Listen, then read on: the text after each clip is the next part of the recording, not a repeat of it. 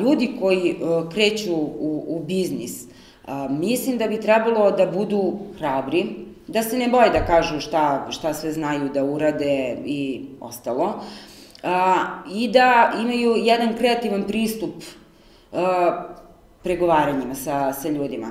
Znači da ne bude to nešto klasično, nego prvi kontakt sa nekim, sa kim ćeš da imaš sastanak je da mu pošalješ neku svoju biografiju, neku ponudu, nešto.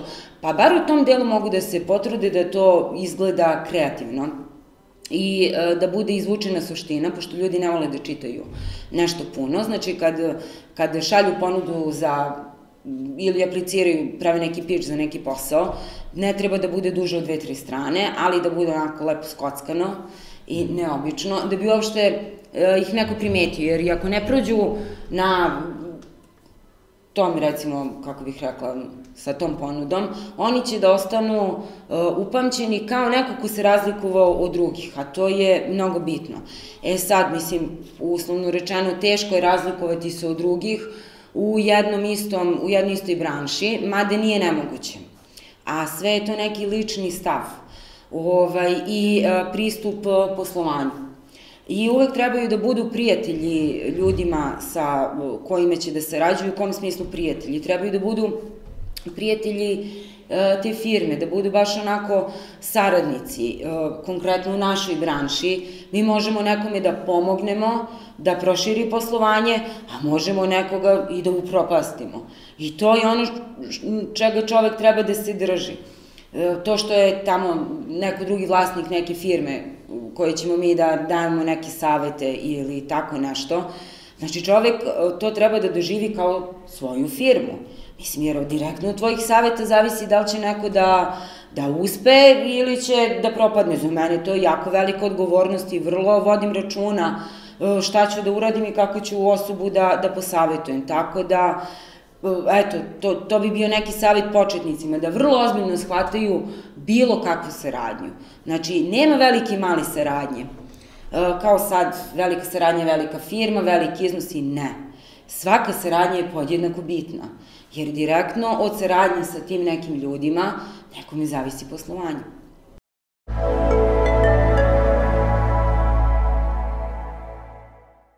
Pa prvo i osnovno je da znamo odgovor na pitanje šta mi želimo da postignemo. Mm -hmm. Ljudi često ulaze u posao, u poslovne aktivnosti bez jasne vizije šta žele da postignu. Jer kad imamo odsustvo vizije, prva prepreka nas obori i odustajemo. Mhm. Kad imamo jasan cilj i viziju, onda e, to samo shvatimo kao još jednu prepreku. Mm -hmm. Ne kao nešto što nam kaže, e, to, od toga nema ništa. Mm -hmm. Jasna vizija i jasan cilj i da budemo spremni da prvi šest meseci neće imati skoro nikakav rezultat. Mm -hmm. To mi je kao i da otvorite trafiku na nekoj novoj lokaciji. Ta trafika neće raditi kako valja, mm -hmm. zato što to nije razrađena lokacija. Ne, ljudi još se nisu navikli da tu postoji da mogu da se kupe novine ili da se kupi bilo šta. Jer treba ljudima vreme da prolaze napred-nazad da bi se navikli. Mm -hmm. Ja sam uzao banalan primer mm -hmm, trafika jasno, mi je sad palo, ali generalno u svemu što radite potrebno je vreme i potrebna je istrajnost. Mm -hmm. Jednostavno mora čovjek da bude istrajan i da ne da se fokusira na jednu stvar. Vi možete da radite više stvari, ali jedna stvar mora da vam bude ono po čemu ćete biti prepoznati. Brendirate se na jednu stvar. Mm -hmm. uh, velike kompanije imaju jedan udarni proizvod pod kojih i znaju, iako pokrivaju široku lepezu drugih proizvoda, ali mi moramo da se fokusiramo na jednu stvar i da tu uložimo maksimum. Kad su pitali Bill Gatesa i Warren Buffetta na jednoj, na jednoj večeri uh, zvanice, pošto su oni veliki prijatelji, mm -hmm. najbogatiji na svetu, i pitali su ih ko je to jedan savet koji bi vi dali za uspeh. Obojice su rekli istu stvar, -hmm. Mi moramo se fokusirati, to i meni često fali. Mm -hmm. Mislim, ja jesam fokusiran, ali mislim da to može bolje. Mm -hmm. I kod Japanaca je to zanimljivo što oni stalno, oni nemaju sujetu od toga ako nešto ne radi i kako mm -hmm. valja. Njemu to prilike da on bude bolji u tom i oni su stalno nezadovoljni. Mm -hmm. Jer smatraju da mogu da budu još bolji. Ja često kažem, ajmo da budemo Đoković u svom poslu. Mm -hmm. Znamo šta je Đoković uradio, možemo popratimo njegov uspeh. On je došao iz, od nas, iz naroda, nije on uh, otac bogatih, uh, sin bogatih roditelja, Tako. pa je ono, ajde, sine, da se baviš malo nekim da. uh, ovaj, bogatim sportom. Nego je došao uh, sa banjice, došao iz uh, žive u iznajmljenom stanu, roditelji su bili preduzetnici, ali znamo koliko je tenis skup sport. Uh -huh. I on je uspeo, jer imao jasnu viziju još od sedme godine, uh -huh. želi da bude broj jedan. Tako. Ok, mo, mož, on imao i sreće, da nije doživio neku ozbiljniju povredu umeđu vremenu kao tinejdžer, imao je sve, ali sve imalo svoje. Imao je jasnu viziju, jasan cilj. Uh -huh ja, veći nego možda neko drugi. Uh mhm. I vi kada usmeravate tu svoju energiju na taj jedan fokus, to ne može da ne uspe.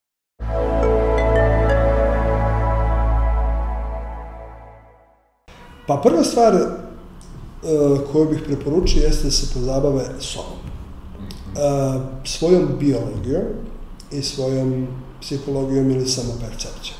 Znači da dobro upoznaju sebe. E, meni tu jako puno pomaže jedna švajcarska metodologija koja se zove struktogram. E, mogu kratko samo no, dati, dati neke informacije. Znači, struktogram je jedna metodologija koja je završena 75, 71. godine od strane gospodina doktora Širma, jednog sjajnog Nemca, koji se bavi biologijom našeg mozga s kojim smo rođeni. Ljudski mozak ima tri komponente. Ima kičmeni stub i ovde na vrhu kičmenog stuba se nalazi baza svih nekih naših iskustava sećanja koje imamo u, to, u našem životu. Znači sve što smo ikad videli, čuli, radili je zapančeno i lagerovano tu i ovde se nalazi centar za intuiciju. Onda imamo libički mozak, mozak emocije, imamo neokorteks, mozak racionalnog i analitičkog razmišljanja. Po evoluciji, znači prvo je nastao ovaj takozvani reptilski mozak, a, koji je zadužen za iskustvo, za sećanja, za instinktivno reagovanje. Jedan gušter kad krene da uđe u jednu pećinu i tamo ga napadne neki drugi gušter, ako uspe da pobegne zato više nikad neće vratiti tu pećinu. Znači, stalno ako bude prolazio, tu ga čeka opasnost. Limbički mozak došao sa sisarima, lav, na primjer, ima taj mozak, a, kod lava nema pregovora, on ili napada ili beže, ne postoji racionalna komunikacija sa lavom i tek kod primata se pojavio neokorteks, mozak racionalnog, analitičkog, logičkog razmišljanja i tako dalje. E sad, svi imamo sva tri mozga i meni ta metodologija pomaže da kroz jedan assessment sa ljudima tačno definišemo koji od ova tri mozga je dominantni u njihovom primarnom procesu razmišljanja. Da li mogu da te zamolim samo da mi dodaš... Naravno. E, hvala ti. Čisto hoću da ti dam ovaj, jednu sliku. Kada se uradi taj assessment, mi onda dobijemo raspored ove tri komponente. I, na primjer, ako imamo osobu koja ima jaču ovu zelenu komponentu, to je osoba koja se oslanja na iskustvo. To je osoba koja ima prirodnu potrebu da bude u dobrim i kvalitetnim odnosima sa drugim ljudima. Ljudski faktor mu je jako važan, e, želi da bude prihvaćen, shvat, ono, shvaćen. E, kada donosi odluke, mozak automatski ide u prošlost, traži ista ili slična iskustva u kojima je nekada bio i voli da se konsultuje sa drugim ljudima. Što znači kad mu se pojavi poslovna šansa, poslovna mogućnost, on prvo traži tragove mm -hmm. takvog iskustva u svojoj glavi. Ako nema tragove, onda traži od sebi bliskih ljudi da vidi šta će mu oni reći. Mm -hmm. Pošto ti bliski ljudi znaju nekada da budu i destruktivni, često su to ljudi iz najbližeg okruženja, pa nemoj, pa pusti, pa i tako dalje, i tako dalje, to poveća u njemu dozu straha i on teže odluči po pitanju toga. Ako imamo ljude koji imaju ovu komponentu jaču, njima je sadašnjost glavni vremenski interval. Oni razmišljaju trenutno, instinktivno, vole da rizikuju, vole da se kockaju, e, brzo donose odluke, e, često brže, brže i planu, brže se i ugase i tako dalje, vole da se takmiče, vole da se ističu i vole da pobeđuju. To je prirod, znači prirodni nagon za pobedom.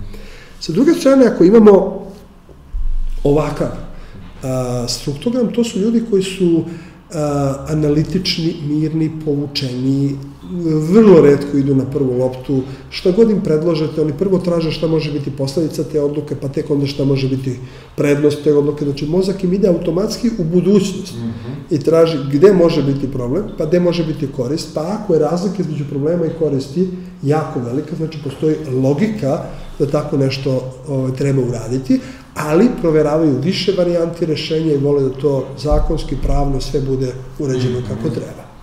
E sad, pošto imamo svi sve tri komponente, to je naš taj prirodni softver ili hardware nam je tako setovan.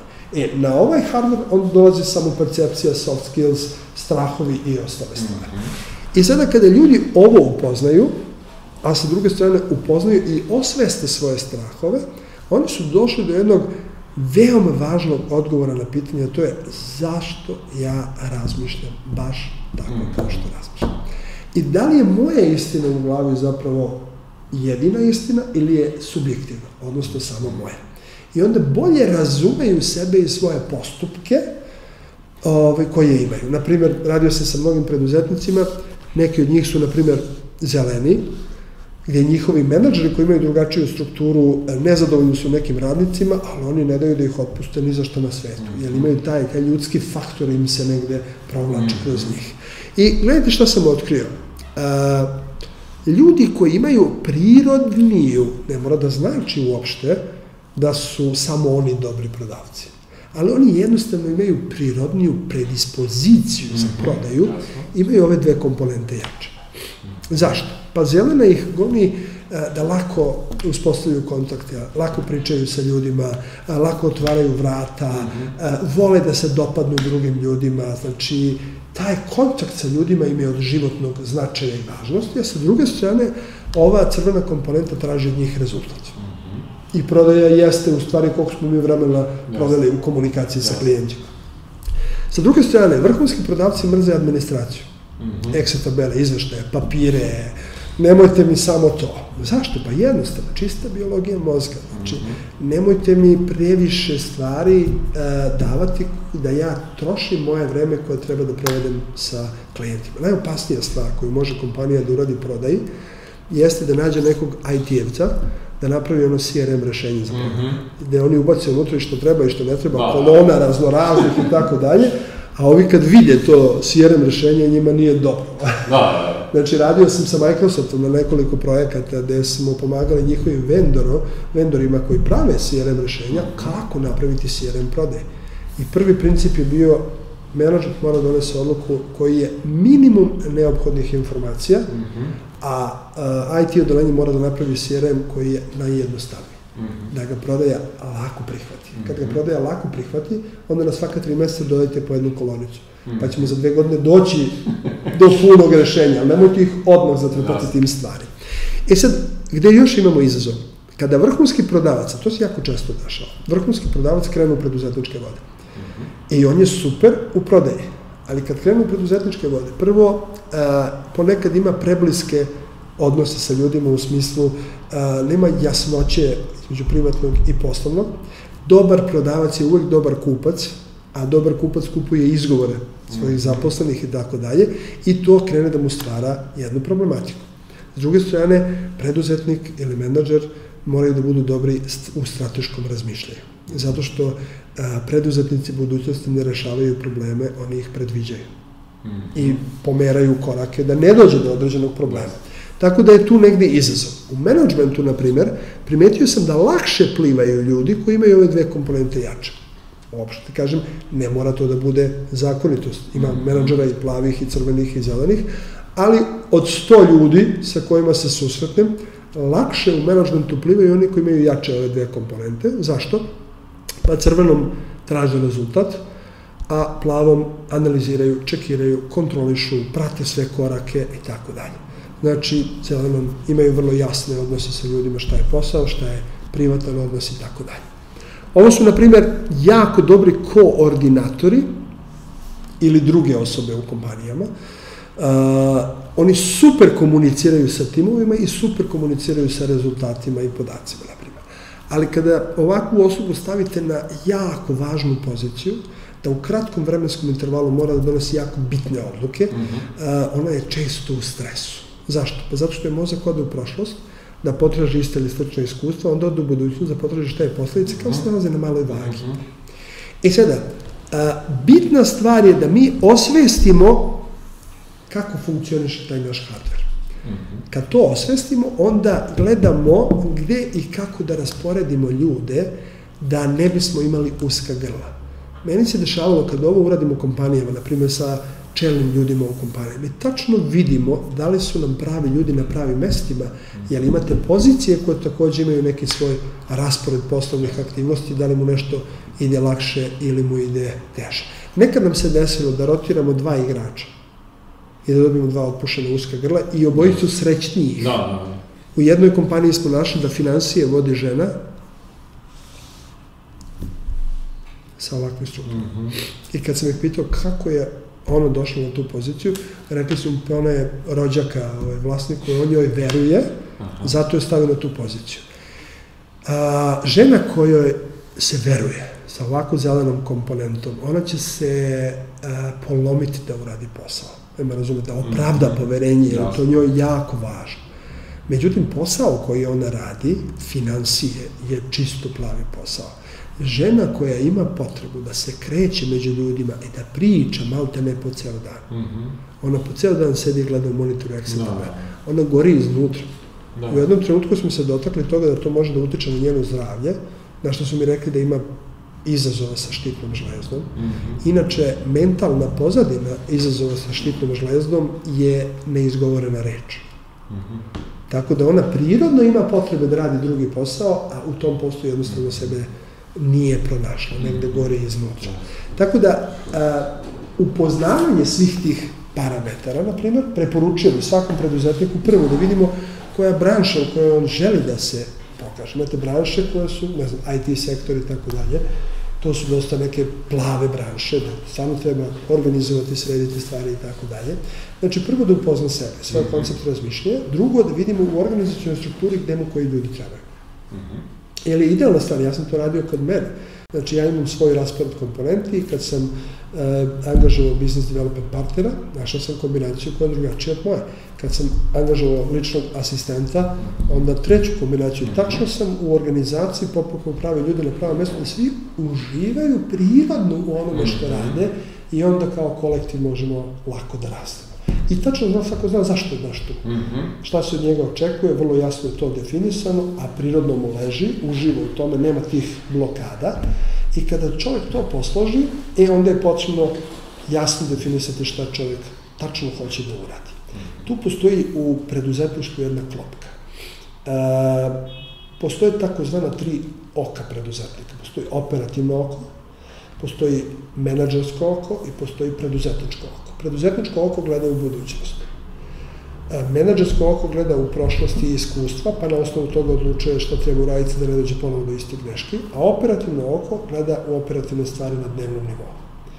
Prosečan preduzetnik skoro 80% vremena provede u operativnom oku, negde između 15 i 17% u menadžerskom, a svega 3 do 5% u preduzetničkom to je jedna ozbiljna zamka, nažalost, -hmm. koju većina ljudi kad diže malo preduzeće, dovede preduzeće do nivoa da mhm. preduzeće preraste njega i u tom trenutku, -hmm. ukoliko nema širinu posmatranja posla i nije spremno da dovede neko ko je pametniji od njega na neke mhm. pozicije, o, ili drugačije od njega i tako dalje, preduzeće polako počinje da stagnira i, i da kreće nizbrdo, nažalost.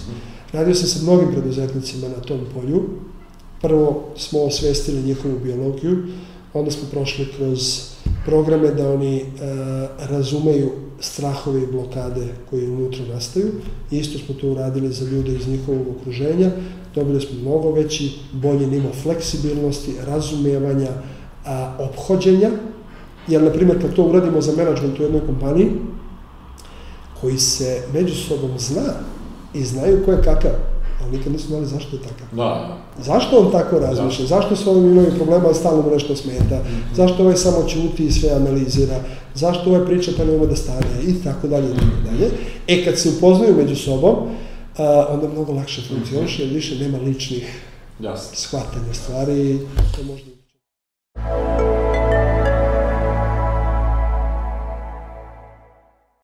stvarno, vrlo je teško dati sad nekom mladom čoveku savet, svom sinu ne znam šta da savetujem, osim da a, a, a, radi ono što, što voli, u šta veruje, šta god da to bilo. A, ono što mislim da je sigurno, a, nije više to ni budućnost, to je sadašnjost, to su digitalni mediji, to je, to je izmeštanje našeg života u neku virtualnu stvarnost i ovaj, dobar deo poslovanja se e, našeg prebacuje na, na, na net. Znači, e, mi smo e, pre dve godine uveli B2B e, sistem komunikacije mm -hmm. sa mhm. našim partnerima, mi danas imamo 26-7% ove, poslovanja na, na, na, na B2B, znači više nema ni papira, ni kontakta, a, a, telefonskog, ovog, onog, mm -hmm. to, to, znači, definitivno a, a, a, poslovne mogućnosti se, čini mi se, najveće otvaraju u tom segmentu ovaj, digitalnog poslovanja, a, virtualnih medija odma, ako imaju neku ideju moraju to da a, a, a, mere kroz a, mogućnost a, implementacije mm -hmm. u nekoj digitalnoj formi mm -hmm. ili to je to je razvoj definitivno razvoj društva ide u tom to pravcu. Da. Ja verujem da za 10 pet godina neće postojati više, ne znam, televizija kakvu, kakvu mm -hmm. mi zamišljamo, kakvu mi gledamo od dan danas, to će, to će ovaj, um, samo produkcija biti, mislim, mm -hmm. tvoja emisija će Tako je, ne treba biti nam televizija, televizija, neko će želeti da otkupi tvoju mm -hmm. prava na tvoju, na tvoju autorsku emisiju i to, i to je neka budućnost u medijima, to je neka budućnost u biznisu, to, eto, tu vidim, tu vidim e, budućnost, I ono što sam u startu rekao, moraš da imaš pošten odnos uh, uh, prema, prema svim faktorima u tvom poslovanju. Znači, to su ti kupci, dobavljači, zaposleni, sprema samom sebi, da poštuješ samog sebe uh, u, u svojim mogućnostima, uh, da poštuješ uh, onaj posao od kog živiš i od koga svi vi živite i nema tajne za uspeh ili neke formule koju može neko samo da prepiše. Ali ovo su neke, da kažem, neke stvari koje koje prosto mislim da moraju da se ispoštuju da bi, da bi posao uh, dao rezultat. Potrebno je malo sreće da se tu mhm. malo desi, verovatno da, da, da, da bi nešto uspelo, ali bez ovoga teško da može to da bude uh, dugoročan neki poslovni uh, poduhod.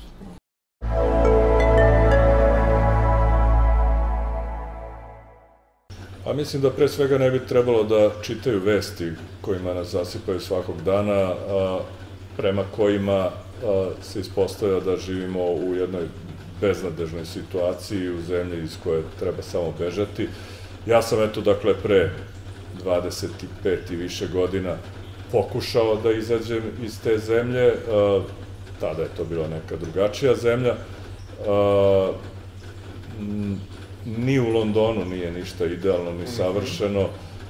Ovde smo svoji na svome i ovde smo u svom okruženju koje nam je prirodno. Dakle, sam kvalitet života će u Srbiji uvek biti veći nego negde u inostranstvu, prosto zato što ste okruženi svojim ljudima, svojim prijateljima, svojom sredinom i tu ste a, jednostavno izrasli i navikli ste na tu vrstu života. Sve drugo a, je, usuđujem se da kažem, pomalo neprirodno stanje za, za ljude koji odlaze iz sobstvene sredine. Dalje od toga, mislim da se ne treba plašiti skromnih početaka, da taj skromni početak, eto to se vidi na primjeru Lagune, može da preraste u nešto mnogo veće, ako ste dosledni, ako ne hvatate krivine i prečice, već ako idete nekim putem koji je ozbiljno trasiran i za koji želite da znate da ćete i sutra moći da se osvrnete i da sa ponosom gledate iza sebe. Dakle, Laguna nikada nije imala pomoć ničiju sa strane, niti države, niti bilo koga drugog i valjda smo zato i očvrstili, zato što smo prosto se uvek uzdali samo u, u, u sobstvene resurse. Dakle, rezultat ne može doći preko noći, ako dođe u toliko bolje, ali, ali i, i takvi brzi uspesi nose i tekako da. svoje opasnosti. Po meni je uvek bolje da se to gradi i razvija polako, jer ćete onda biti stabilniji i spremniji za, za neka ozbiljnija širenja, nego ako dobijete... Ostalom, postoji neko istraživanje sreće oni koji su dobili premije na Lutriji i znamo da je u procentu koji je mnogo veći od 50%, da su zapravo njihovi životi postali loši i nekvalitete i da su ti ljudi postali nesrećni u životu nakon dobijanja premije. Dakle, ne treba vam premija u poslu, nego vam u poslu treba jedan stabilan rast koji ćete uh, jednog dana znati da održavate. Mhm. Naravno, uh, ne možete raditi uh, po svom nekom nahođenju, treba da uh, čitate literaturu, treba da pratite uh, trendove u svetu, pa i u Srbiji, treba da učite na sobstvenim lošim iskustvima, ali pre svega, ako ikako moguće, na lošim iskustvima vaših konkurenata. Laguna nije uradila mnogo revolucionarnih stvari, već jednostavno nije zabijala sebi autogolove. I zato uh, smo, ajde da kažem, na relativno jednostavan način pobedili konkurenciju samo zato što smo radili neke stvari kako ih doliko je raditi i nisam uh, se nikada bavio time da izdavaštvo učinim revolucionarnim u Srbiji, jer zna se kako se knjige objavljuju i kojim putem treba ići.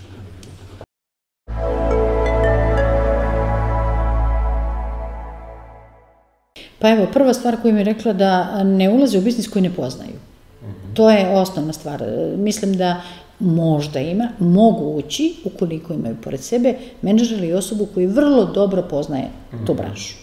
To su dve ključne stvari. Znači, druga, druga stvar da znaju da se uspeh ne do, postiže preko noći.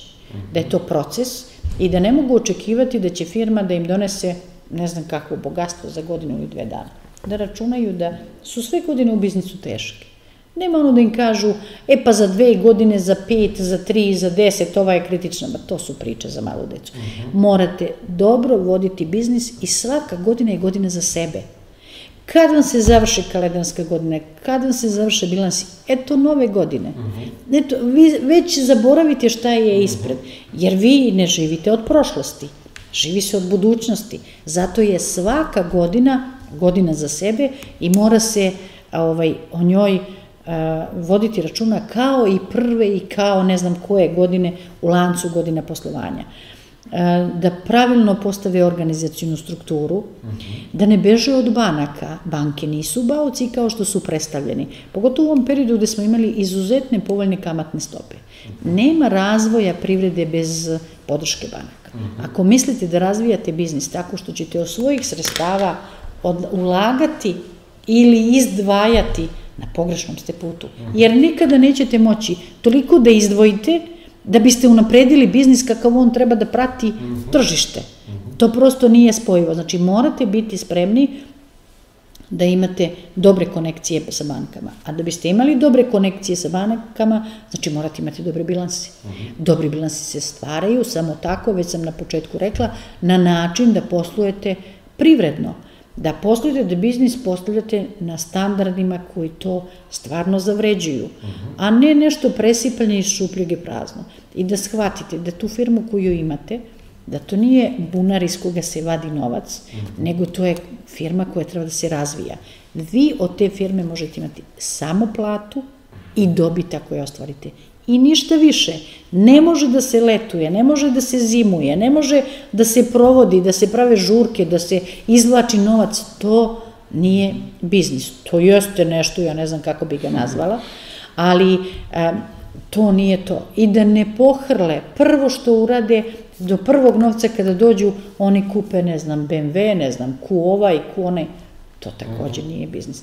Biznis se pravi sasvim na drugi način, da biste mogli da imate benefite i da biste jednog dana mogli da ostanete samo vlasnik. Uh -huh. E to je kategorija. Ostati samo vlasnik znači vi više niste u obavezi da sedite u firmi, uh -huh. niste u obavezi da dolazite tu, a vaša firma posluje. Uh -huh. Znači, delegirali ste, imate menadžere, imate kvalitetno osoblje koje to može da nosi i vi čekate dobit na kraju godine koliko možete da zaraditi. Znači, to su osnovne stvari, da, i da se reše predrasuda, da nije tačno da treba da imaju leđa, mm -hmm. da nije tačno da treba da budu politički opredeljeni i to nikada nemoj da rade. To je prosto, biznis i politika ne treba da idu zajedno. To su dve odvojene stvari, ko se u to upleo, nikad dobro nije prošao. I um, poslednja stvar, da se promeni e, kategorija da više privrednik u Srbiji nije lopov. E to je, to su osnovne stvari. Znači, e, neko, a za sve to je potreban rad. Znači da su spremni na odricanje, da su spremni da, ali opet treba da ih okrabri to i da se zaposle u bilo koju kompaniju, ozbiljnu kompaniju, oni će morati ozbiljno da rade. Znači, ozbiljno da provode radno vreme, ozbiljno da se angažuju, bit će u nekoj kompaniji, znači samo taj isti rad da pretoče u svoje biznis. Ali isto ozbiljno da se ponašaju, ozbiljno da rade i ozbiljno da se žrtvuju. I to je ogromna razlika i jednog dana će imati benefite. Prosto rečeno, bolje je da imate kredit za svoj stan, jel tako, a nego da plaćate kiriju. Isto ovo. Bolje da budete svoj vlasnik, isto se ponašate kao da radite u nekoj drugoj firmi i rezultat neće uspeti. I jednog dana ćete vi biti vlasnik i biti benefit, imati benefit od toga.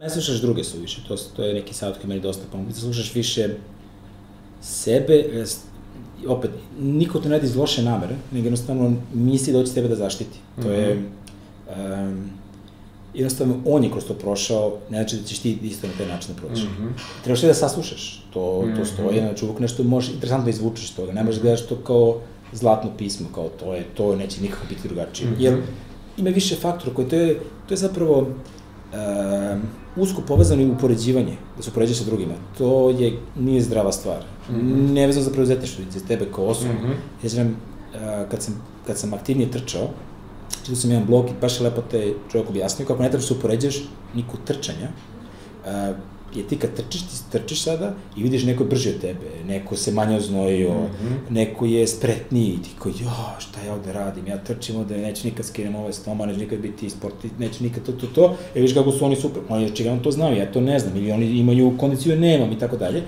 a zapravo stvar tome, ti se upređeš sa osobom, a ti nemaš pojma u kom je on modusu tada. Mm -hmm. Evo, evo samo trčanje, primer, on može se priprema za sprint, tako će automatski brže trči. Mm -hmm. Ti se pripremaš za maraton, tako će tebi je bitno da konstantno možeš da izdržiš, a ne da istrčiš brzo. On je možda imao tri meseca intenzivno priprema pred, priprema pre toga. Um, čak, zapravo, nema čak ni sa sobom da se uporediš, zato što je tvoje um, emotivno i mentalno i fizičko stanje nije isto kao danas ili kao juče. Sjećam kad sam krenuo trčanje, krenuo da trčim 500 metara, vratim se kući, ne mogu da trčim. Ja sam nešto sam doručkao suviše blizu pre toga i um, skačem u stomaku, bukvalno ne mogu fizički da trčim, mm -hmm. mogu da hodam, jedno odustajem od toga, tako da, mm -hmm. i onda bi se rekao, jao, kakav sam ja, evo, propadam, vidi se, znači, mm -hmm. sam trču 2 km, ne mogu ni 500 metara, znači, mm -hmm. ne smeš, ne smeš toliko, mislim, ono što je problem što, to je, um, a, kako se to zove, taj, taj način, a, mislim, to je da, uh, imposter, imposter sindrom, mm -hmm. bukvalno to je naučno dokazano da ljudi rade, da ti imaš osjećaj da si ti ne smeš da, ne bi trebao da budeš na ovoj poziciji, nisi zaslužio da budeš mm -hmm, na ovoj mhm, poziciji. Mm -hmm. A to je zbog toga što ja sad gledam tebe i vidim kao, aha, okej, okay, ti si to i to postigao, ti si sam uveren, imaš osmeh, znaš da mm -hmm. komuniciraš, ti si faca. A zapravo ako uđem u tvoj mozak, ti se možda znojiš sada i mhm. tebi je potpuno neprijatno to što ti je izazov nešto da, da, da odradeš, mm -hmm. a ti to ne prikazuješ. Ti ne znaš kako drugi ljudi osjećaju, ti misliš da, si sam, da si samo ti taj koji ima te probleme da misli da nije sposobno nešto. A zapravo to većina ljudi, da ne kažem svi imaju, -hmm. samo što oni to ne prikažu. Ne vide da... I to je neka stvar koju trebaš da budeš svestan. I možeš, jedan savet je to da budeš spreman na kako se zove, roller coaster emocija. Mm -hmm. Da, e, to mi toliko znači kad sam drugi čuo da isto kroz to prolaze, jednostavno nećeš, evo sve ove stvari sad, ako si o, odslušao što, e, kako, kako bilo naše, na, naš, na, naš put, e, ti ćeš opet dosta toga i sam da prođeš i neće to biti ovo sad saslušaj da si sve rešio, naravno daleko od toga, um, ali stvar tome da samo znaš da, da, je, da, je, da je da i drugi kroz to prolaze, tebi automatski lakše. Mm -hmm. Ili mali broj ljudi koji se time bavi. Onda kad vidiš, a, to je znači uobičajeno da imaš taj izgled, mm -hmm. uobičajeno da ležiš u krevetu i plačeš u plike, da, mm -hmm. ok, ok, znači nisam toliko lud, nego jednostavno da, to je to, znači nije da, da nije da sam ja nesposoban za to, nego to je jednostavno proces koji, koji mm -hmm. moraš da prođeš. Mm -hmm. Neko manje, neko više, nije svaki primjer mm -hmm. isti, ali ako se dovoljno često ponavlja, vidiš, ok, to je neki, onaj, neki pattern koji se, koji, koji mm -hmm. imamo svi zajedno. I to je isto s tim roller coasterom emocijama, da ti u istom danu možda imaš da se osjećaš fantastično i da se osjećaš kao ono zadnja, mm -hmm. ne, kosanja, otprilike. Mm -hmm. I to, to je interesantno da se, i dan danas mi se dešava da istog dana to imaš. Mm -hmm. Jer istog dana imam, a, sećam primjer sam jedno a, predavanje i uvijek mi je drago da ono, mogu da prenesem znanje svoje mm -hmm. i u mhm. našem manifestu edukaciji koja je jedna bitna stav kako sebe, tako i, i društva. Um, I onda prenesem, vidim taj pozitivni feedback, dođem u dobru komunikaciju i onda ti automatski si pun energije, imaš mm -hmm. neke nove ideje i onda mi stiže poruka od Milice, e, naš sysadmin, naš glavni sysadmin je dao otkaz. Ah, okej, okay, znaš, super, znaš, da. ali bukvalno da. to je bilo, ta poruka stiga dok sam pričao, ja sam da, bio, da, da. ah, I to više puta je tako nešto mm -hmm. bilo, mhm. tako da na to da budeš spreman, da, mm -hmm. da, da nije, da je to normalno.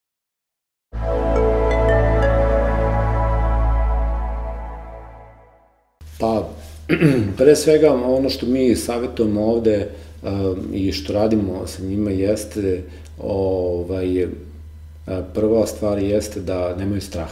Znači, to je ono što je najbitnije, da odagnaju kod sebe sve moguće strahove koji, koji postoje na tom putu. Mislim da je to jako važno, da se ne boje greške, boje, da se ne boje nekog promašaja. Jako je važno da što pre uh, uđu u analizu tržišta, o tome smo već govorili. Mm -hmm. pored toga, normalno kada definišu svoj proizvod i uslugu, ili ako već imaju definisanu uh, svoj proizvod ili uslugu, znači da uđu što pre u analizu tržišta i uh, ispilotiraju, ispivotiraju uh, svoj, testiraju svoj proizvod kroz jedan um, danas se to popularno zove sprint, što kraći period mm -hmm. uh, provedeno u tom nekom procesu um, da um, jednostavno ponude to i opipaju tržište i vide da li njihov proizvod uh, ili usluga uh, što narod kaže pije vodu mm -hmm. ili ne. Mhm. Znači to je danas jako bitno i uh, br vrlo brzo to mora da se uradi. Uh, pogotovo kada pričamo o nekim tehnološkim ovaj, start-upovima i biznisima. Tako da to je jedna, jedan nivo saveta koji uvek dajemo da što više, što dublje ulaze u analizu, da idu da pričaju sa ljudima, sa potencijalnim kupcima, da, da jednostavno detaljno, kao što smo rekli, odrede svoje ciljne grupe i ispitaju ih. Druga stvar, jeste kada vide da je to ovaj, ok, ako koliko je to ok i, i uh, stvar je dobra, da odmah krenu u, u prodaju. Znači, jako je bitno uh, da se što manje uh, vremena provodi na doradi uh, svog proizvoda, razvoju svog proizvoda. Jer vi imate situaciju da mnogi biznisi danas i mladi ljudi mnogo vremena provode na razvoju svog proizvoda i izgube dragoceno vreme u prodaji. Mm -hmm. I onda kasne u prodaji. Mm -hmm. a, a umesto da su već krenuli možda i sa tim nekim poluproizvodom mm -hmm.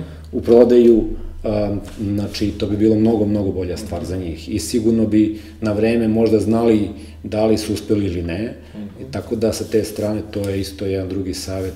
Nemojte čekati, nemojte puno raditi na razvoju proizvoda i trošiti vreme, krenite odmah u prodaju, što pre. Tako da, eto, to su neka dva ono, osnovna saveta mm -hmm. koje, koje, koje ja isto često dajem. Mm -hmm.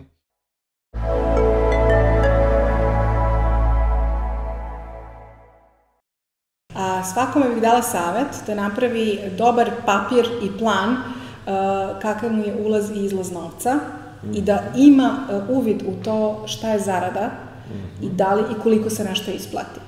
Da se ne troši vreme i energija na ono što se, što se ne isplati ili da ne uđu, ne daj Bože, u minus. I da nađu dobrog knjigovođu i da se upoznaju sa svim propisima. Jer tu leže te zamke. Svako ko uđe u novi posao je strastven i razume se u to što radi, u tu ideju. Ali sve ostalo mu je nepoznato.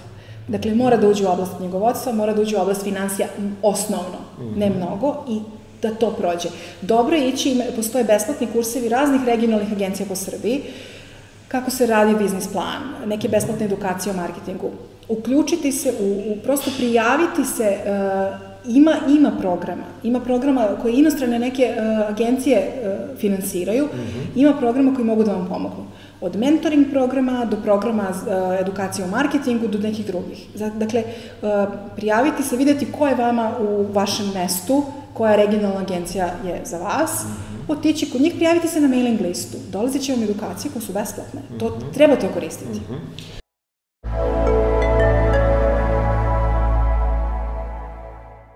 To je takođe nešto što je individualno i zavisi od e, toga čime se vi bavite, ali nešto što je generalno je da ne treba odustajati od svoje ideje. I e, možda baš u onom momentu kada vam je najteže i kada se javlja taj neki crvić da li odustati ili ne odustati, da iz inata treba e, da kažete sebi, e baš neću, i ovaj, nastaviti sa tom nekom idejom, jer, e, kažem vam, sasvim je normalno i prirodno da vi imate neke oscilacije i neke uspone i neke padove i neke nepredviđene stvari, to je, to je apsolutno normalno u svakom poslu, statistički kada pogledate, e, ne tako velik broj start-upova pre, preživi prve godinu ili tek treću godinu, Um, ali e, bitno je da verujete u sebe, da verujete u svoju tu ideju.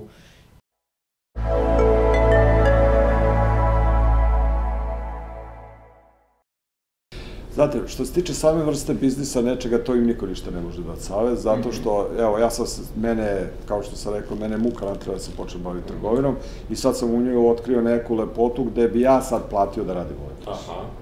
Ne da mene plati, da bi ja platio, ali je to toliko širok, toliko interesantan posao. To znači da oni moraju sebi da nađu. To je prva osnovna stvar da kažu, ok, to je nešto što mene interesuje. Vi imate sad problem da ljudi kažu kako da preživim do prvog, kao što sam ga ja imao. I onda kad to kaže, onda pravi kompromise koji su na kratki rok izgledaju razumno, na drugi rok su loši. Šta to znači? To znači da počinje da radi neki posao samo zato da zaradi neki dinar a, i polako tu počinje da stagnira.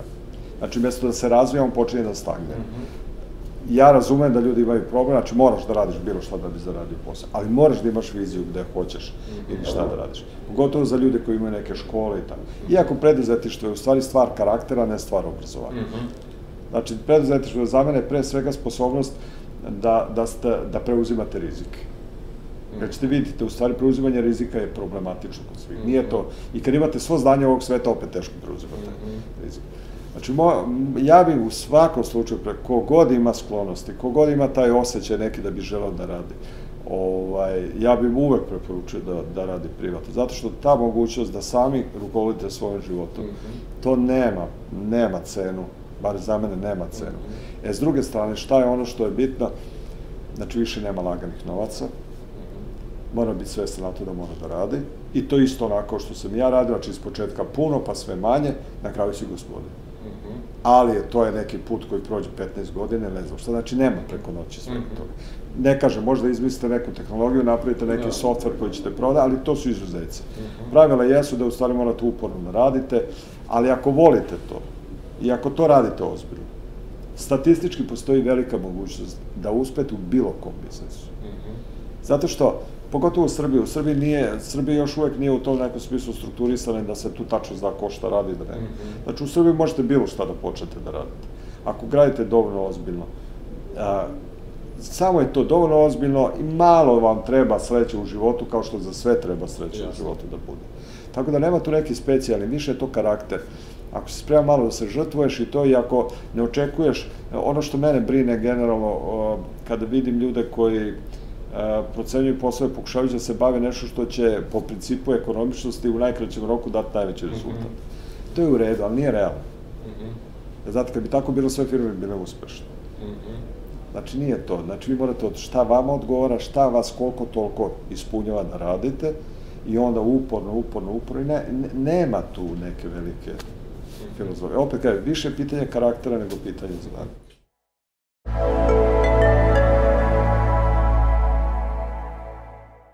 Pa sigurno onaj ko ima uh, afiniteta prema preduzetništvu, a takvih je manj, manje od 10%, mm -hmm. uh, predložio im da odmah započnu.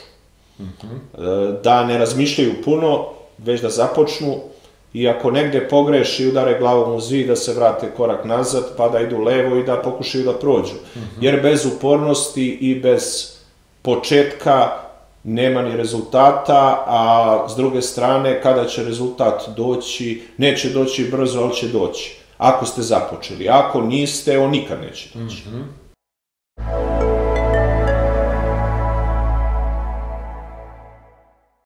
Pa, generalno, da ne prave greške koje sam ja u startu pravila, mislim da stvarno treba da se dobro raspitaju od nekoga u koga, koga imaju poverenje. -hmm. Znači, taj, taj neko treba da ima kredibilitet iza sebe, mislim poslovni naravno, Apsolutno. uh, i ljudski, Mm -hmm. ovaj, i jednostavno treba da sedne se njim i da, da popriča na temu kako, kako najbezbolnije da te prve korake ovaj, prevaziđe, da stvarno ne, ne, ja mislim stvarno da sam prve dve godine izgubila iz neznanja. Mm -hmm. Mislim, sad mi je sve jedno u ovom statusu, ali a neko ko počinje, žao mi je. žao mi je da, da gubi da. vreme. Ne kažem da će taj neko koji mu da smernice naći mu i klijente za posao čime se želi da se bavi, ali s druge strane ovaj, pomoći će mu da, da predočit će mu u stvari sve ono što može da mu se desi, a da ga to ne unazadi u poslovanju.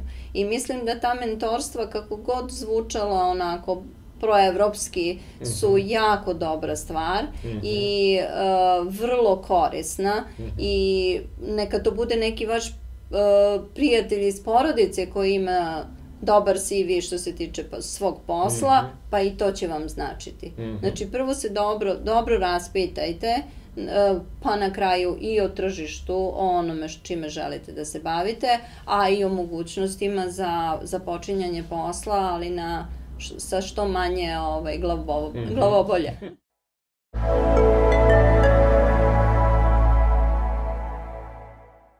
Mislim da je glavno prvo tržište. Da li to što vi radite ima druga strana, da li postoji koja je mhm. zainteresovana mm -hmm. da to kupi, Jasne. mislim, da li postoji tržište za to. To je prvo. Ono što opet e, možda je meni, ovaj, mislim, nije novo, ali uvek duplo obratite pažnju na troškove i kada ih planirate, pravite te biznis planove, -hmm. bolje ih i uvećati i malo mhm. bolje, ovaj, pa posle se obradovati kada su manje.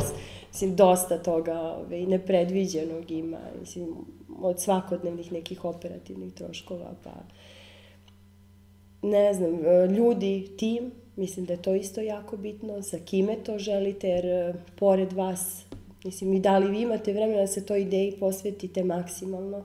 Mislim, lepo svi imamo ideje, ja svaki dan zapisujem po brdo još nekih dodatnih mm -hmm. ideja mimo ovog posla, ali nemam jednostavno vremena da se tome mm -hmm. posvetim, ali da li možete 24 sata, jer definitivno ovo zahteva vreme 20, ovog celog čoveka mm -hmm. zahteva i da li ti ljudi koji su sa vama, koji bi bili sutra u timu, isto tako i razmišljaju i su motivisani i da li su tu cel, celim svojim srcem i mhm. dušom ove, uz to.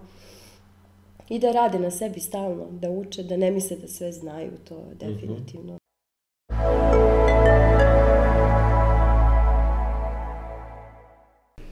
Pa mislim da moraju da imaju svoju viziju i misiju, da moraju da imaju postavljene ciljeve, šta je to što žele. E, ako veruju u tu ideju, vole posao koji rade, ne treba nikada odustanu. Siguran sam da će rezultati doći. Rezultati ne dolaze preko noći, znači svi znamo tu floskulu, ali to je stvarno istina. E, u današnjem poslu morate da ono, ono što ste zaradili kontinuirano i svakodnevno da vraćate u kompaniju. da investirate, da širite, da se obrazujete, da pojačavate tim ljudi, to danas sve košta, investicija je, ali po meni najbolja investicija u ljude, kada ste sigurni da su ti ljudi deo vašeg tima, da investirate u njih i da pokušate da pravite što jaču, jaču ekipu sa kojom gurate, mm -hmm. gurate napred. Mm -hmm. e, kao što sam i rekao na početku, e, kada se osniva kompanija, rizici isto takođe postoje, ali bez rizika ne može se ni profitirati, ni napredovati i mislim da kad prođe izvesno vreme, da ljudi se više kaju što nisu pokušali nego rizikovali. Mm -hmm. Kad ste mladi, kad ste na početku, no, no. uvek postoji šansa da se greška ispravi no, no. i tako da šansa ne treba propuštati, nego no. treba, treba uvek ići hrabro napred.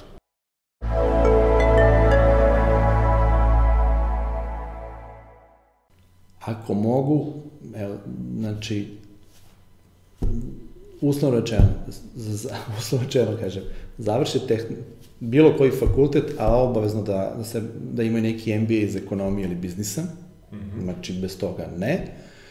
Ako mogu da urade u nekom sistemu neko vreme da, da vide kako su sistemi postaje, uspešnom sistemu, ne mm -hmm. bilo kom sistemu, da vide kako, kakva je hijerarhija, ili to je ideja da ti to postaviš kasnije kod sebe, čak i ako si one man show, ti moraš da imaš to, ja sad imam uh, pozicije, iako su neispunjene, one koje su neispunjene, ja ih obavljam, pa kad se neko bude pojavio na njih, on će biti, mm. uslovno će on delegiran, bit će upućen u to i onda će on da, da, da preuzme to i ako ikako mogu upravo da nađu mentora.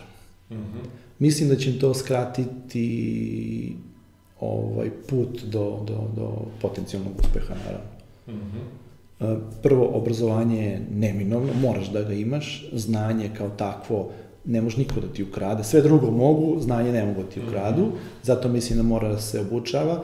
E, mislim da je, kako se zove, ekonomija kao tako vrlo važna. To sam, ja sam posmatrao to recimo kroz moje i moje odrastanje i sve to, svi zgovori tehnički fakulteti, apsolutno, ali bez onog biznis dela da shvataš kako posao funkcioniše je osnova ekonomije, ne sad da završaš ti ekonomski fakultet, mm -hmm. osnova ekonomije, svega to moraš da poznaš da bi uopšte mogao da shvatiš kako taj svet mm -hmm. funkcioniše.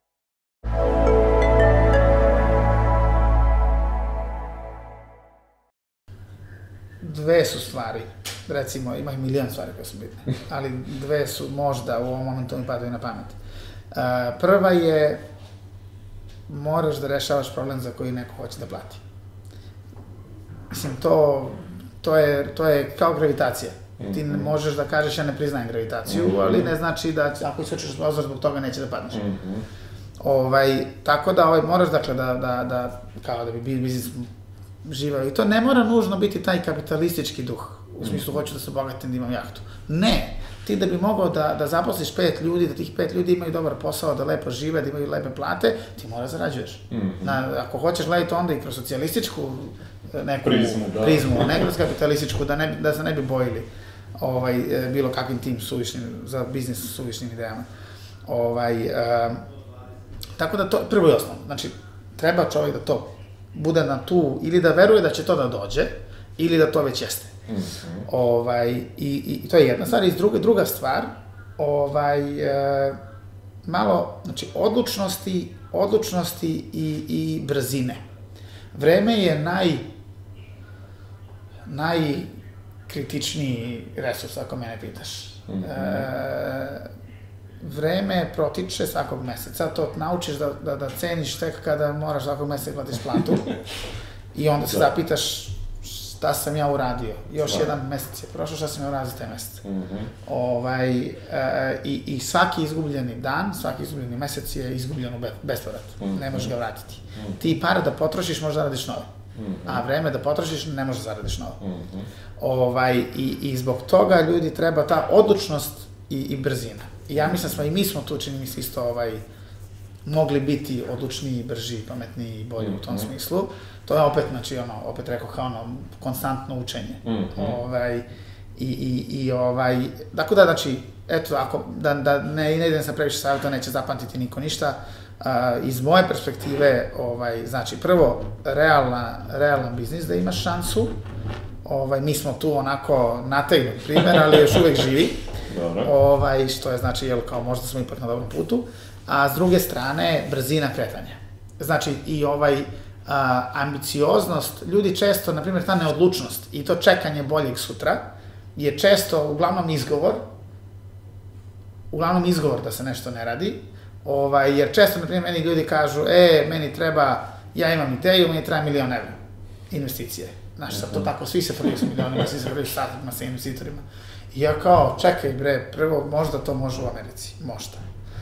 Ovaj, I tamo ne može baš lako, ali ume da bude. Ovo, ovo, ko tebi neće dati niko milion evra, prijatelju, na dobar dan. Ako sem, ako nisi već iza sebe 15 puta napravio tri firme koje su od milion izašle na 100 miliona, tebi niko neće dati milion evra na dobar dan. Mm -hmm. Na ma kako genijalnu ideju. Najčešće. Ovaj, tako, da, tako da nemoj ti da gledaš da ti možeš gledaš sa milion. To je sanjarenje koje, sanjarenje je ekstremno važno, ali to je sanjarenje koje je ne, ne, nepraktično. Mm -hmm. Ti gledaj šta ti možda možeš da uradiš milion evra, ali ti moraš da imaš plan šta ćeš da uradiš sa 10.000, Mm -hmm. sa 50.000, sa 200.000. Znaš, znači sad, ja mogu da kažem, ja bih voleo da imam um, uh, zdravi fast food kao što je McDonald's veličine. Ali mi treba milijardu evra da otvorim sto lokala odjednom. Ali to nemaš. I sad ti možeš da maštaš o tome dok vreme prolazi ili možda kažeš, dobro, okej, okay, da bi ja došao do toga. Ajde prvo da ono nađem neki jeftin lokal za 1000 evra i da kupim polovnu kuhinju za 4000 evra i da krenem za 5000 evra. Mm -hmm. To ćeš da nađeš. Ni to nemaš na grani možda, ali ćeš mnogo lakše naći 5000 nego milion. Jasno. Znači, za neke biznise de facto stvarno mora, ne znam, 100.000, ok, ali uvek gledaj šta je minimum, zaista, realno minimum šta možeš da uradiš i dokle će to da te dobaci. Mm -hmm. I onda kada to dobaciš, onda već možda ideš na stepenik po stepenik. Mm -hmm. I taj prvi stepenik, samo ljudi ne treba sebi da postave ovako, pa da ne možeš da ga skočiš. Mm -hmm. Znači, ako ti hoćeš da popenješ na ovu visinu, ti moraš da napraviš sebi, da osmisliš sebi korak po korak. Mm -hmm. I to je cela mudrost. Mm -hmm. Ništa nije, uglavnom ništa nije nastalo preko noći, čak i ako tako nekad izgleda.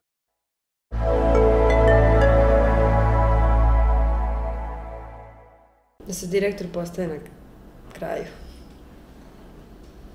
Po meni, da mora da se prođe kroz sve faze, na to sam mislila, da mora da se prođe kroz sve faze tog nekog posla da bi mogao da sediš u fotelji. Mm -hmm. To je moj savjet neki, ne može preko noći. Mm. Dobro, tu ću se ja isto složiti sa tim, da ja isto verujem u taj deo priče, da svako mora da prođe kroz sve faze. To je ono što, što je malo ljudi spremno Onda možeš da održiš da premosti i e, često se susrećemo sa ljudima kojima je neprijatno nešto da urade ili misle da je to ispod njihovog nivoa, šta god to značilo. E, nas dve nije bilo sramota da razvozimo robu, ni po Novom Sadu i po Beogradu. Nas dve nije bilo sramota... danas to uradimo. I, i to, sad se desi da neka to uradi. E, da ih ne bude sramota e, i da nema veze što su završili fakultete. A rade nešto drugo. A rade nešto... I da, to je kvalitet plus. Jeste. Iskustvo više. Mm -hmm. Ja mislim, da samo kod nas uh, ljudi ne menjaju posao. U tom Mhm. smislu i struku. Mada ja mislim da i, i toga ima sve više. Sve više, da. Ali, da se ne plaše te promene. Da često... Da nije to da odustaješ od sebe, ne, nego učiš još nešto novo. Mm -hmm. Pa spajaš sve zajedno, pa si sve veći i veći čovek. Mm -hmm. Za sebe. Da, i da se ne pušte da traže, da pitaju, da budu uporni. Ja mislim da je to najveća stvar. stvar.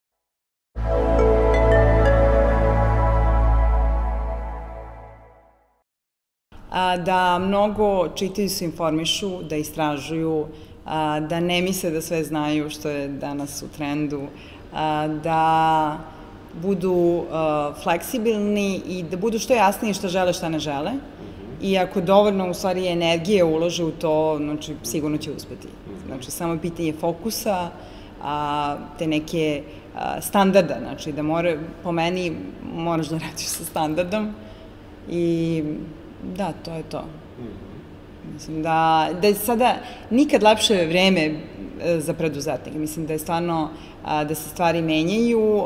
U svetu je to odavno, ovaj, eto i mi srećem toliko porodičnih firmi, znači neki standard kod nas se razvija, evo svi mi pomalo to razvijamo i mislim da je to lepota. Ovaj. I mislim da čak a, preduzetnički e, način razmišljanja bi trebao da se i malo studira više i da se ubacuje kao neki dodatni predmet, ili jako koristan.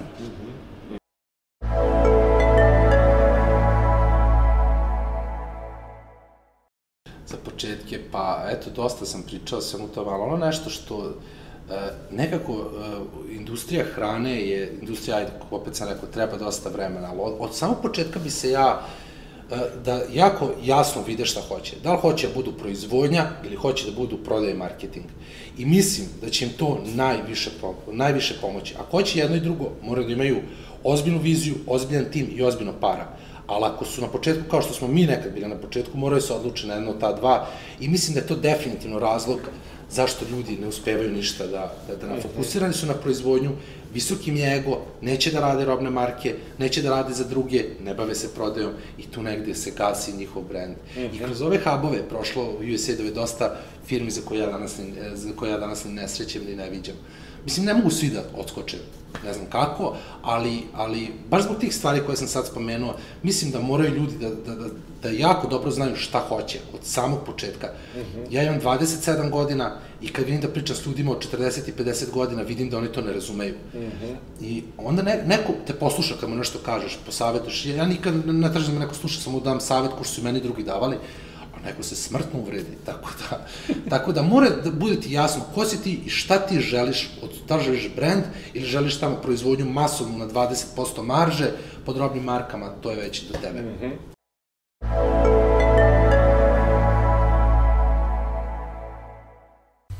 Treba da budu hrabri pre svega u, u biznisu. Ja se u porodici suočavam sa svojom čerkom koja ima mnogo izazova, mnogo ideja, a, koja ponekad hoće brzo da donese neku odluku.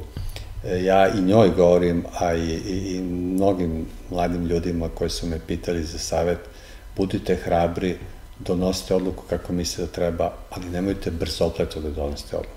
Probajte da dobro izanalizirate sve što je vezano za potencijalni biznis u koji želite da krenete ili u neke novine u vašem biznisu koji već sada postoji.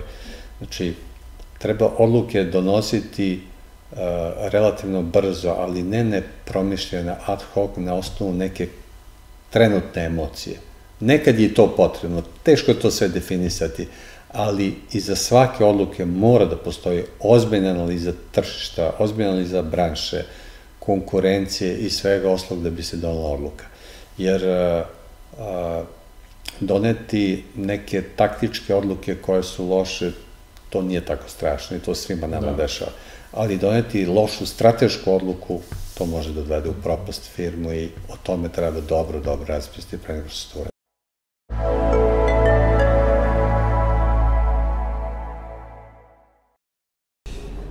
Sve više, e, pored ovoga momenta koji je jako bitan da želja, da se mi rodimo sa željom, neko ima takav sklop društvenih okolnosti da želi, imamo slučaj deca bogatih ljudi pa ne žele da nastave to. Mhm. Znači, e, nemaju tu želju. Ja bi se opet tu vratio na tu želju, znači pored tog jednog koraka, sigurno da ga preduzetnici svi imaju, jer ne bi radili uh, 12 sati dnevno, 24 sata, odricali se porodice, odricali se neki drugi stvari, da to uh, nije tako. Mm -hmm. Znači, više vole to od nečega drugoga. Mm -hmm. A, taj prvi je faktor. Uh, to, to bi bio taj prvi faktor. Uh, sa druge strane, ovaj, danas uh, preduzetnici moraju da budu deo mreže, deo čitavog sistema i danas preduzetnik možda nam možda nam u tom preduzetništvu ovaj nedostaje više uživanja. E sad, kada bi ti e, novi preduzetnici i budući preduzetnici, oni moraju da znaju da postupak, pored toga što imam želju, mora da, da se poklopi dosta drugih faktora i načina da čovek napravi to što želi da napravi. Znači, i upornost, i istrajnost, i posvećenost, i žrtvovanje, kad kažem žrtvovanje drugih stvari, a, to za njega nije onda žrtvovanje, a, ovaj, ali kad se posmatra sa strane to jeste ovaj, žrtvovanje a, i posvećenost tom sobstvenom cilju. A, danas dolazi vreme komunikacije, vreme povezivanja.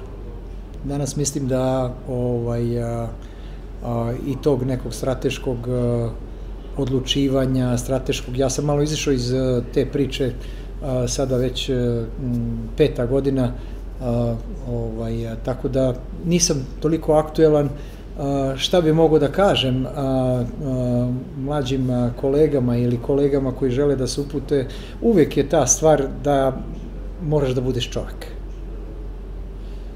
Budi čovek, poštuj a, to što radiš, poštuj a, drugoga a, i uvek moraš da daš više a, da bi stvorio. Ako misliš da, da, da, da, da, da bi stvorio nešto novo. Znači, moraš vredno da radiš. I ono što je jako bitno jeste da ovaj ove mlađe kolege, da možda ta poruka jeste isto bitna, a, ovaj, a, da uspeh kad tad dođe. Znači, mnogi to ne znaju, ali ako žele, to će se desiti. Zato moraju da paze šta požele. moraju dobro da paze šta žele da im posle ovaj, iz tog kola, kako će posle da izađu. A ovaj, a, a, mislim da ne kloniti duhom u tom trenutku kada idu a, tim putem je jako bitno. Ideš tim putem kad tad, ako si ušao na tu stanicu idi, voze se. Bitno je da nije stanica u suprotnom pravcu da je u pravom pravcu. A sad na kojoj će ti stanici pokupiti a, o, ono što ti želiš ili što čekaš, ti to ne znaš. To nije u tvojim rukama.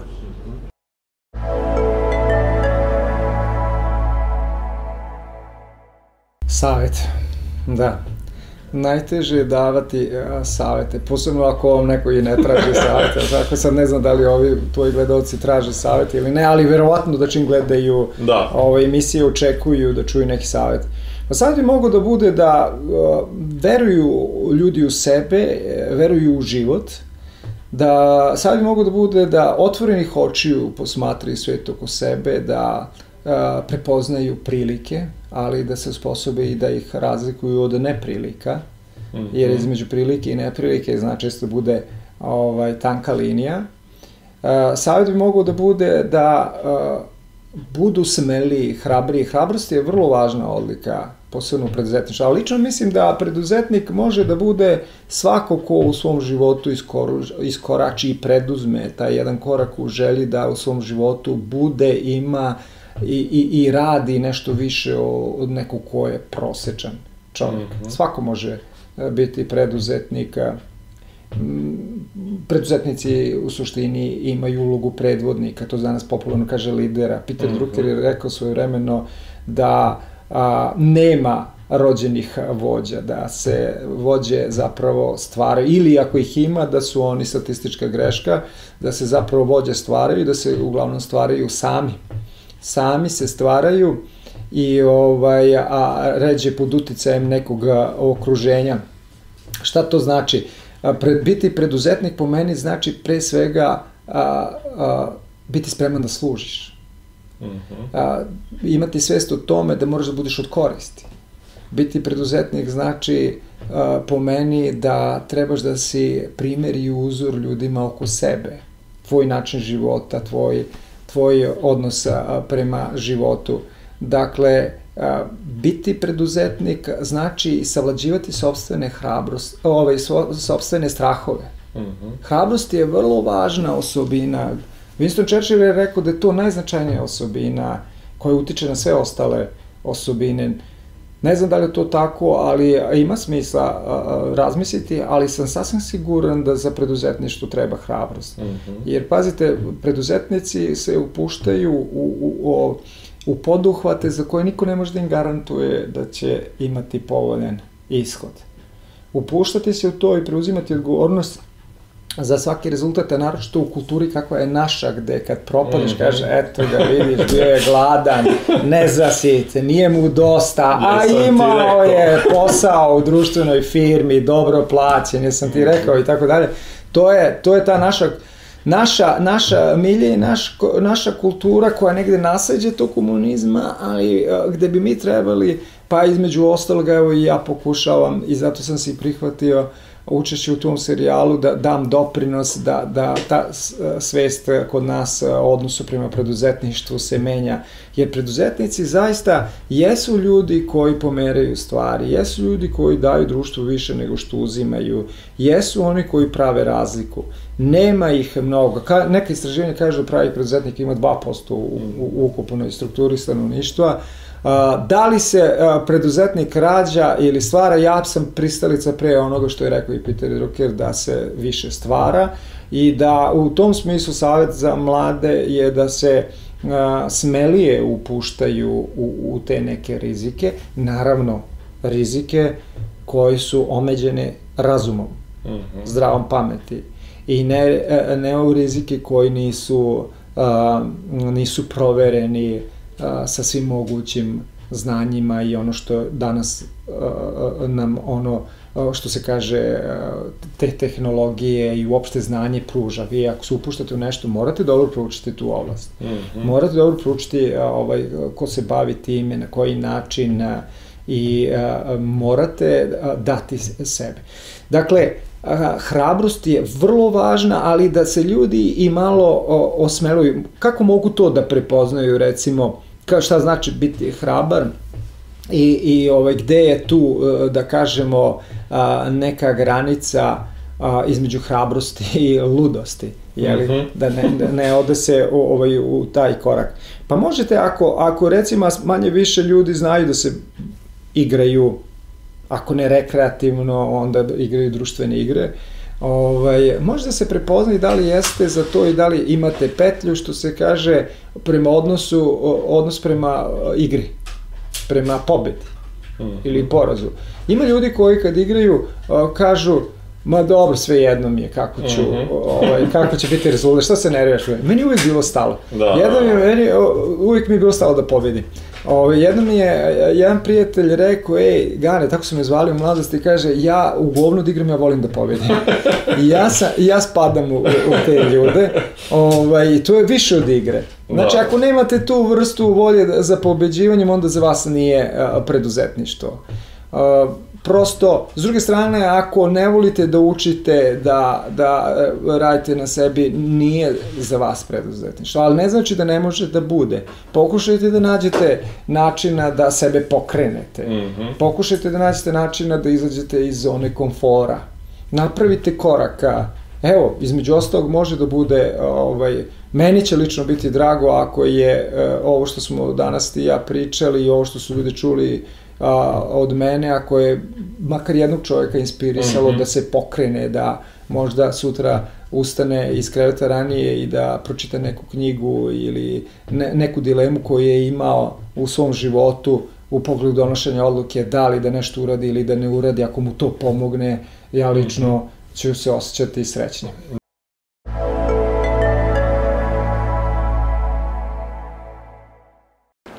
Pa prvi savjet koji bi dao ili kad me neko od drugara pita, ovaj, najbitnija stvar je motiv. Zašto se u nešto ulazi? Spomenuli smo to ukoliko je neko motiv financije, ta, taj brod će brzo, brzo da potone. E, drugi savjet je da bez obzira na kakvu god ko genijalnu ideju imao, bez mnogo rada, neprospavanih noći, e, truda, nerviranja i svega ostalog to neće ostvariti. Ako želi da e, bude kući u 4 sata na ručku s porodicom i posle toga dremne i nikad ne radi subotom, mislim da to nije za njega ljudi moraju jednostavno da koji ulaze u to shvate da svaka preduzetnička priča zahteva mnogo rada, sigurno nosi stres, frustracije i to, je neka, to su neka opšta mesta. Naravno i nagrada je velika i ta neka mhm. pobeda, uspeh, različite stvari motivišu ljude je takođe velika. E sada je pitanje koje, šta je kome motiv i na šta je spreman da ostvari, to je čega je spreman da se odrekne da bi ostvario taj svoj cilj. Pa, pa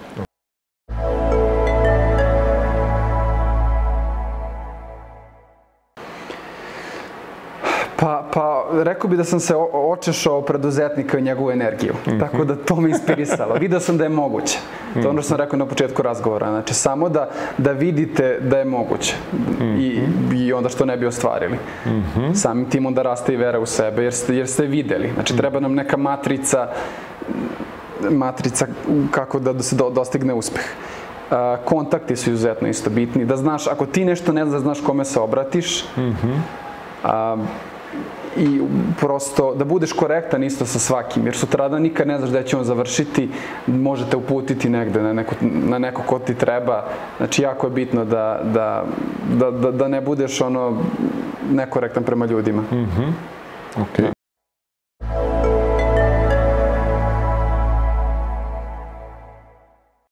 Pa ovako, e, broj jedan stvar koja je meni onako vrlo bitna za, za ceo taj za ceo taj poduhvat mladih ljudi koji hoće da krenu sami da rade je proizvodnja. Zašto? Teška jeste. Mukotrpna. Ulaganja, probleme. Mislim da je to budućnost u Srbiji.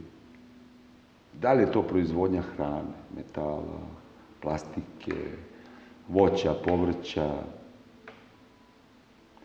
drveta, ne znam, ali proizvodnja. I, i ulaganje. Jedan, drugi, treći, peti artikl vremena. I da ti ljudi moraju da veruju u sebe. Ne mogu na prvom, na prvom na prvoj stepenici kad su skliznuli da odustaju, da ma ovo nije za mene, ma ovo ne, bre, guraj, doći će. Ali e, moraju da imaju, moraju, pošto su mladi i kreću, moraju da imaju, da imaju podršku i roditelja. Ne mislim finansijsku samo, ne mislim na to, nego ajde, dobro je, bit će, idemo dalje. Ne da ga oni još da mu se, sednu na kičmu pa mu kažu, aj, ja sam ti rekao da to ne treba da radiš, to ubija A većina tako klince. kaže, jel? A većina tako razmišlja da bi opet, e, da bi opet bila, bila, kako da kažem ja, da bi dali sebi na značaj da su oni u pravu, nisi trebao to da radiš. Šta sam ti ja rekao? Pa podrži ga. Da ima volju. Iće to svojim putem. Samo mora da ima volju. I neće, neće doći sam. Jednostavno, volja, želja, istrajnost i sreća i Božja pomoć, broj jedan. Mhm. Nema bez toga ništa. Mhm. Gdje se ona zasluži. Da. Znate kako, e, ne možemo mi sad ležati ceo dan ovdje i reći bit će kako Bog da hoće. Ali nam neće ni dati ako mi ne damo sebe.